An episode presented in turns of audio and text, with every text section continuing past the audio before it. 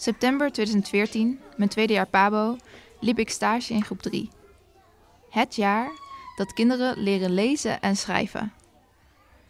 Maar wat doe je als je weet dat je ouder elk moment dood kan gaan? Ga je dan door? Kun je dan doorgaan? En erna dan? Dit is de podcast Erna, gemaakt door mij, Wijken van Koolwijk. Over hoe het is een ouder te verliezen als je zelf nog jong bent. En vooral over wat erna komt. Deze aflevering: hoe ga je verder met je studie?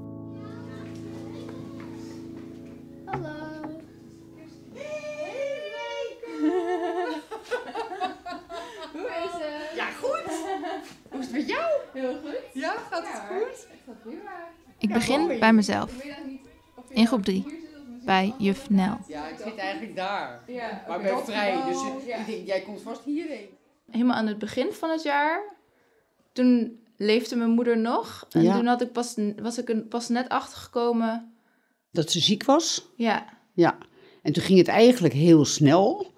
Dus eh, ja, op dat moment eh, ja, was je meer eigenlijk naar, naar, naar binnen gekeerd, zeg maar.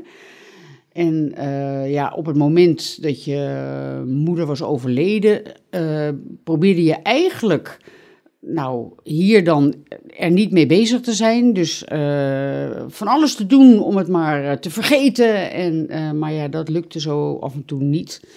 En dan kreeg je een enorme uitbarsting of een inzinking. En ja, dat had je dan toch even nodig. ja. Ik herinner mezelf nog heel erg de, de, de... nee, ik weet niet of dat de eerste dag was dat ik er weer terugkwam. Maar volgens mij kwam ik na een week of zes of zo, kwam ik weer, kwam ik weer terug hier. Ja?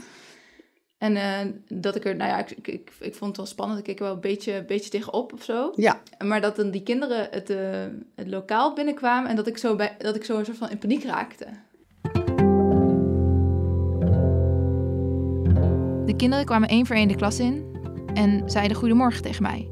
Ik zei goedemorgen terug. Maar met elk kind dat de klas in kwam, kreeg ik meer stress in mijn hoofd en in mijn lichaam. Mijn keel kneep dicht en ik dacht alleen maar: je mag niet huilen. Je mag niet huilen. Je mag niet huilen.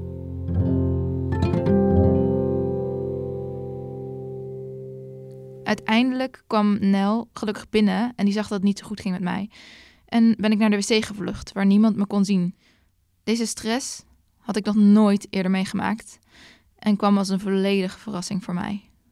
Ik weet niet meer of dat waar is, maar ik had zelf het gevoel dat toen ik terugkwam, dat ik dacht: ehm, dit ga ik wel gewoon even aanpakken. Ja, zo'n houding had je ook. Ik doe dit gewoon wel even. Ja. Ik doe dit even, ik ga dit doen. En eh, nou, dan heb ik het wel af en toe moeilijk, maar eh, dat laat ik niet zien. Dat eh, doe ik thuis.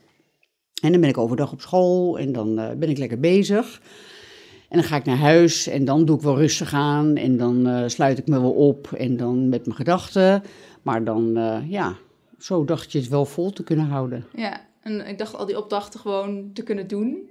Ja, maar naarmate de tijd vorderde, kwam je er toch wel achter dat je nou ook in gedachten heel chaotisch was en nou het eigenlijk niet ging redden. Nee. Ja. Nee. Ja. Ik vond, wel, ik vond het wel heel fijn toen ik, toen ik het eenmaal had besloten dat ik het niet zou eh, halen, die periode. Toen was het meteen ook echt zoveel leuker.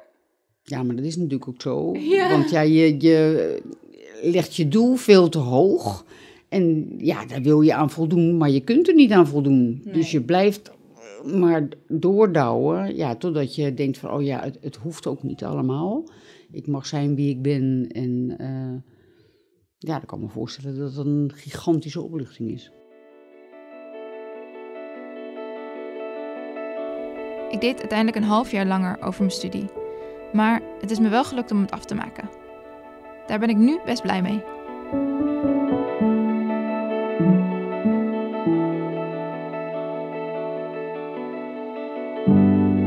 Die hele Pabo, nadat mijn moeder overleed, heb ik het een beetje als een soort van bezigheidstherapie gezien.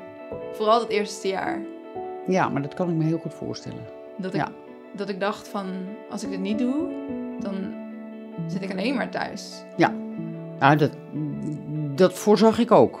Ja. Dus is het alleen maar fijn dat je bij ons eh, toch het dingen hebt kunnen doen. Nou ja, waar wij ook profijt bij hebben gehad. Zo, zo, eh, maar voor, voor jou ook. Dus van beide kanten dat dat toch eigenlijk een eh, nou, goede oplossing was.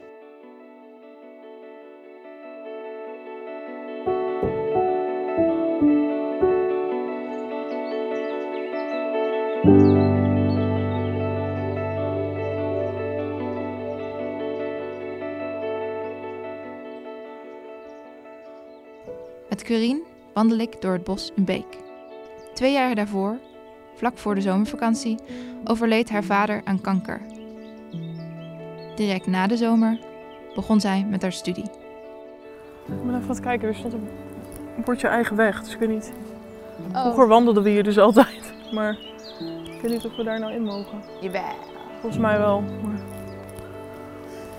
vast wel.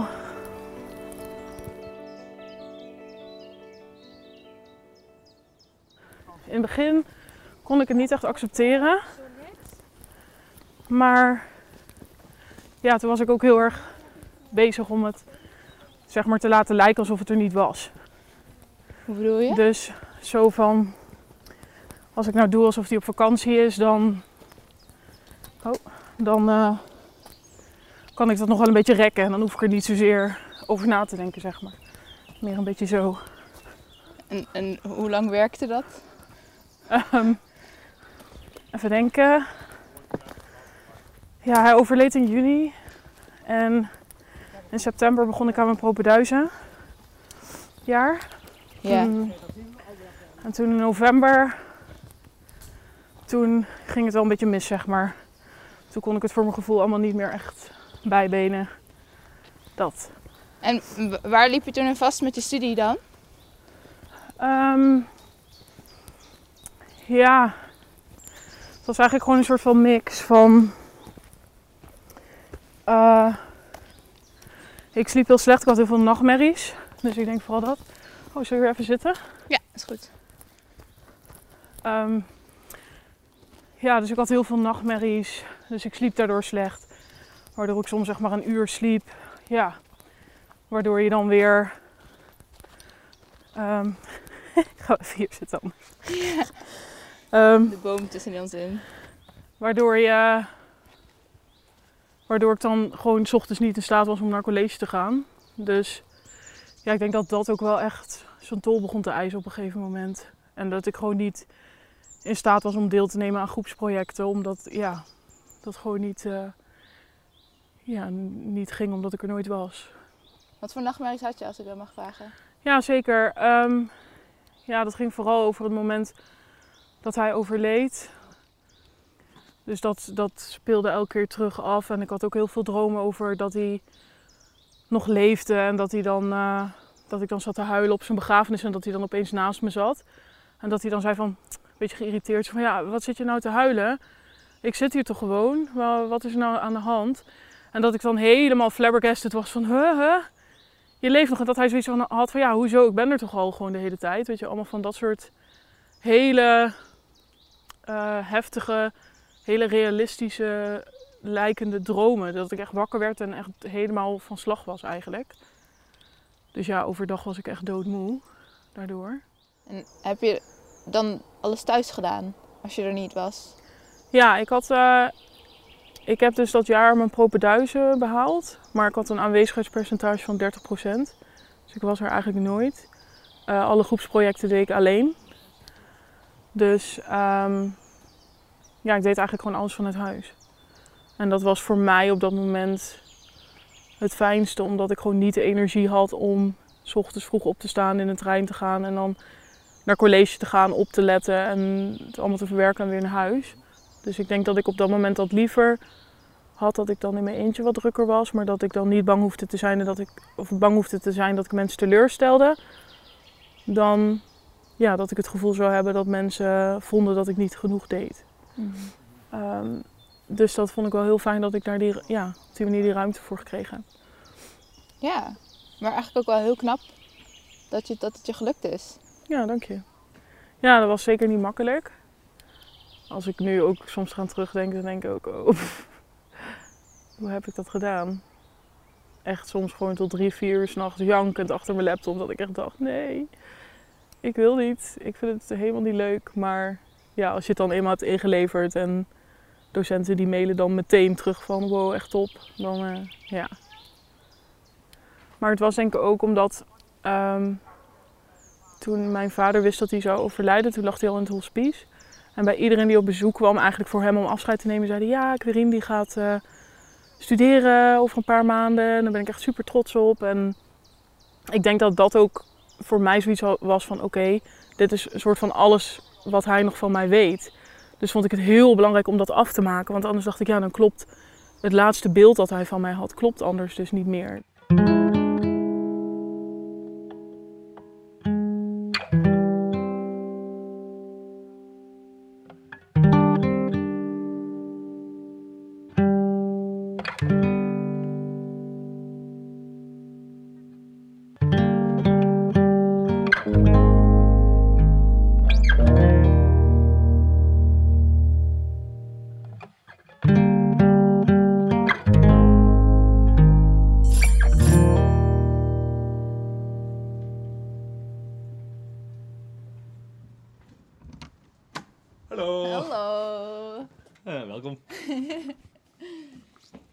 Praten over de dood. Oké.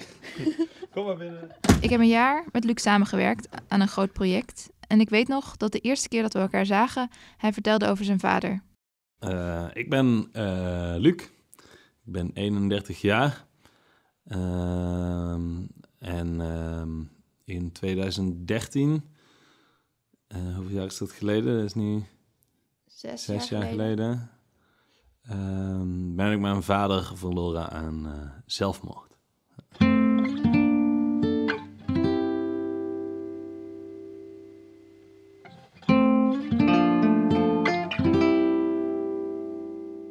Eh, ik was, ehm, eh, ik was dus aan die scriptie aan het werken. Ehm, dus ik zat met een vriend van mij in een lokaaltje en we waren eigenlijk een beetje, we hadden vooral heel veel uitstelgedrag. En toen eh, belde mijn moeder van, hey, ehm, eh, je vader is vermist. Ehm, eh, want mijn ouders hadden ruzie gehad en dat hebben ze eigenlijk nooit. Maar goed, was dus in ieder geval vermist al van een dag ervoor. En dus hij was al één nacht niet thuis geweest. En toen was ik eh, zo snel mogelijk maar de trein gaan pakken. En toen heb ik eh, in de trein heel veel podcasts geluisterd om, om er nergens over na te denken. Want ik kon er, gewoon, kon er met mijn hoofd niks mee. En toen op het station, eh, toen waren mijn moeder en mijn broer daar. En die, die zeiden meteen wat er was gebeurd, dat hij zelfmoord had gepleegd. Ja.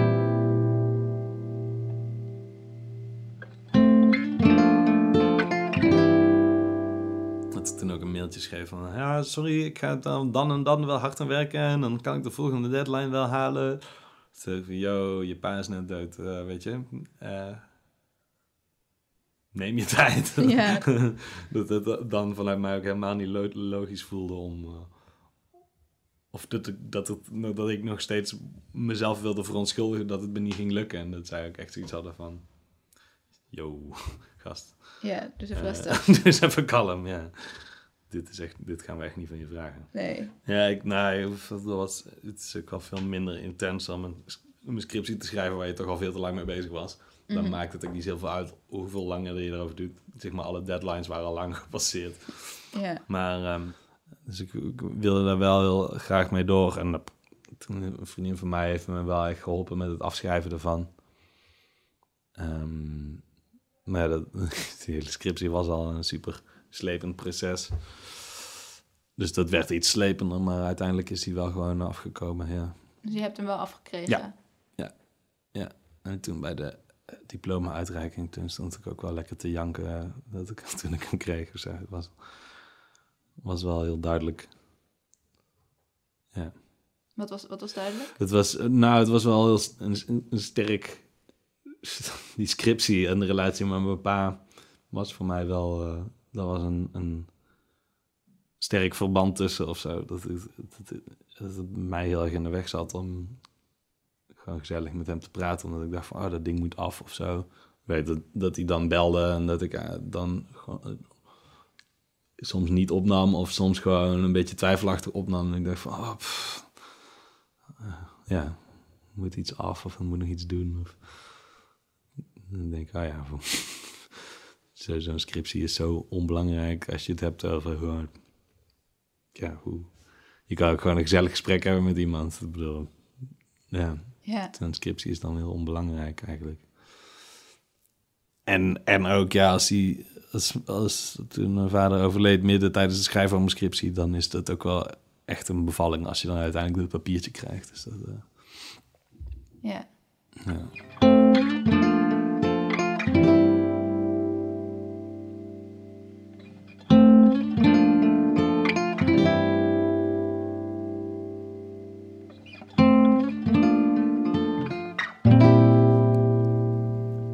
Ik ga langs bij Suzanne Terstegen. Zij is zorgcoördinator van een MBO in Nijmegen. En ze is ook een goede vriendin van de familie. Ik loop even achterom. Oh, maar het is toch alleen geluid, hè? Ja, Oké. hoezo? Nee, het is geen camera. Nou, zie je hier? Nee, daarom heb ik dat jasje, had ik helemaal niet aan hoeven doen.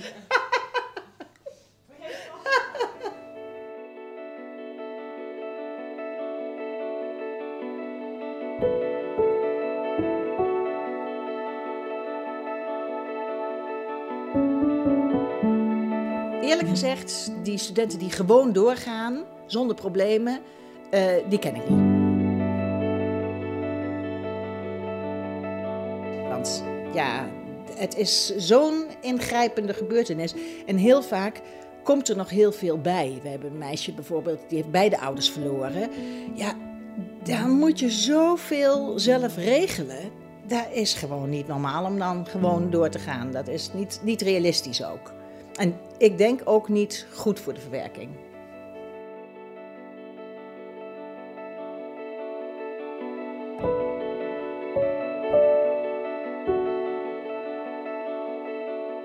Ja, wat ik vooral aanraad is, ehm, maar dat, dat is misschien iets wat ik onszelf aanraad en dus ook hun aanraad, is om in gesprek te blijven. Vooral om in contact te blijven. Dat is eigenlijk het allerbelangrijkste. Gewoon blijf in contact met ons, met het zorgteam. Blijf in contact met je coach ook. En eh, luister naar jezelf. Luister goed naar jezelf, eh, wat, je weer, wat je kan of wat je niet kan. En er zijn echt studenten die, die helemaal eventjes in, in, in de put zakken, zeg maar, en even dus niets kunnen. En dat mag van mij, maar ik raad ze dan wel aan om met ons contact te houden. Want als je dan dat lijntje ook niet meer hebt, dan is die stap terug naar school heel groot en heel moeilijk. En wij nodigen ze wel heel erg uit om toch weer heel kleine stapjes naar school te doen. Ook al zijn het maar hele kleine stapjes, maar dat, dat vinden we wel belangrijk, dat, dat dat niet te lang duurt, zeg maar. Want anders wordt de drempel te hoog. Ja, anders wordt de drempel echt te hoog. Ja, wat, mij- toen heel erg heeft geholpen. Wat, eh, op een of andere manier, ik weet niet waarom ik niet met mijn opleiding een contact opnam. Eh, wat mij toen heel erg heeft geholpen is dat ik, dat ik bij mijn sport of zo, dat ik eh, toen met iemand sprak die, waarvan ook zijn moeder was overleden toen hij 24 was. En hij zei, ja, ik heb toen een half jaar lang over gedaan. Ja. En dacht je van, oh, dat kan ook. ja, precies. Ja, precies. Ja, ja, ja, dat is heel mooi. Ja, niet dat ik daar meteen naar luisterde hoor. Ja. Ik heb eerst nog drie maanden doorge- ben ik doorgegaan.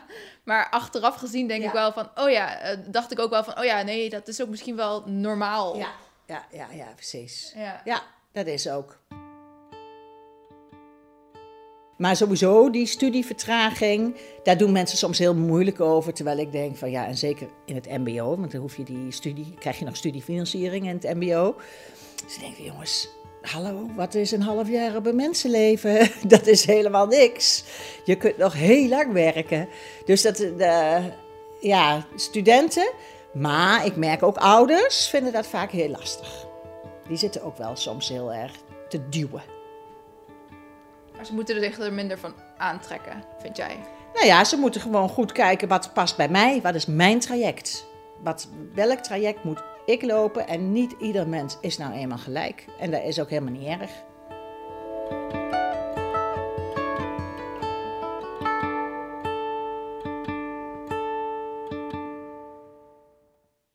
Bedankt voor het luisteren naar erna. Als je het mooi vond, vertel het dan door aan anderen en geef het een goede beoordeling in je podcast-app. En als je er persoonlijk iets over wil zeggen, leuk, stuur dan een mailtje naar podcasterna.gmail.com of stuur een DM naar de Instagram van Erna. Deze podcast is mede mogelijk gemaakt door donaties van mijn vrienden en familie en door Stichting Stimuleringsfonds Rauw. Stef Visjager heeft me advies gegeven. Muziek is van Krieke Leemte.